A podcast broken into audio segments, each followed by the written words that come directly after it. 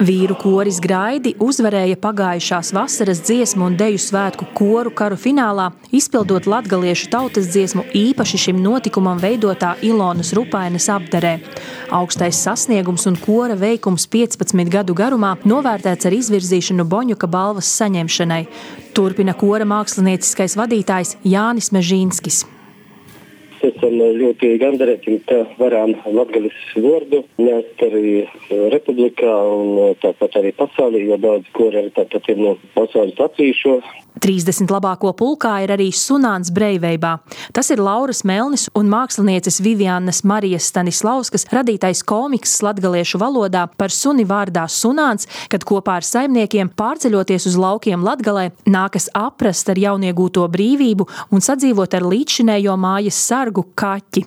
Grāmatas autore Laura Melne stāsta, šis gads esot pagājis Sunānas zīmē saucot no pagošo gada Boņuka, kad sunāns pirmo reizi tika pie savu skaitītu, jo varēja nopirkt pat e, gorā gromatu goldā, tad itas man gods no Boņuka, da Boņuka ir bijis tas mums sunāna gods.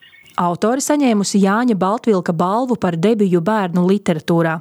Sunāns Breivībā ir arī pirmais komiks latgaliski. Tas nozīmē tikai to, ka tādu lītu, kādas, piemēram, latviešu valodā vai citos valodās ir, ir bieži viņi jau ir daudzi, ka mums tūs trūkst. Komiks, kas unāca pagošā gadā bija pirmīs latgalīšu seriāls vai vēl kaut kas pirmīs. Un tad gribētos, lai to latgaļisko busa ko būtu tik cīši daudz, ja aizvien mozaik būtu tādu vēl neizpildītu nišu. Ja Lauras Melnis komiksa auditorija ir bērni, tad vēl kāda nominanta animācijas filmas Vitsmuižas Annužas acīm autori ir paši bērni. Annu žaistaisa atsteņas, ja sapnā ierauga vuškiņas. Vuškiņas ād zaļu zoļeiti, sauļojās, iz savā starpā runājās. Dīsku cilvēki ar to mūsu viļņu dara. Viļānu mūzikas un mākslas skolas un Latgales etnogrāfiskās vēstniecības veidotajā filmā, kas stāsta par Latgales tautas tērpu, iesaistījušies 90 bērni, gan kā aktieri, gan zīmējumu veidotāji, gan mūzikas autori un dziedātāji.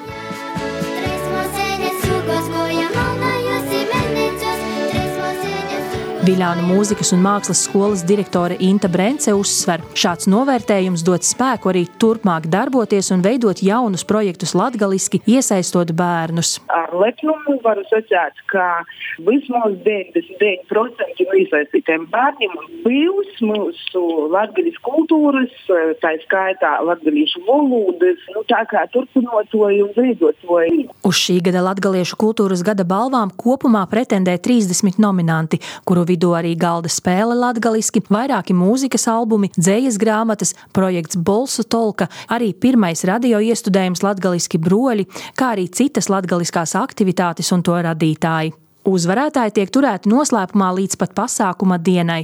Vienīgais zināmais laureātu pulkā ir Boņuka balvas par mūža ieguldījumu saņēmējs Jāzeps Dobkevičs. Ilgadējs Krāslavas kultūras darbinieks, aktīvs Krāslavas Romas katoļu draugas loceklis un Krāslavas poļu biedrības dzīves organizators. Ir vienmēr papildus desmit boņukiem, ir, protams, boņukam par mūža ieguldījumu, ir arī eipašs, ne boņuks, bet žiks, kas ir arī skatētoju mūsu visu tautas tādas simpātija bolva. Stāsta Latgales vēstniecības gors vadītāja Diāna Zirniņa.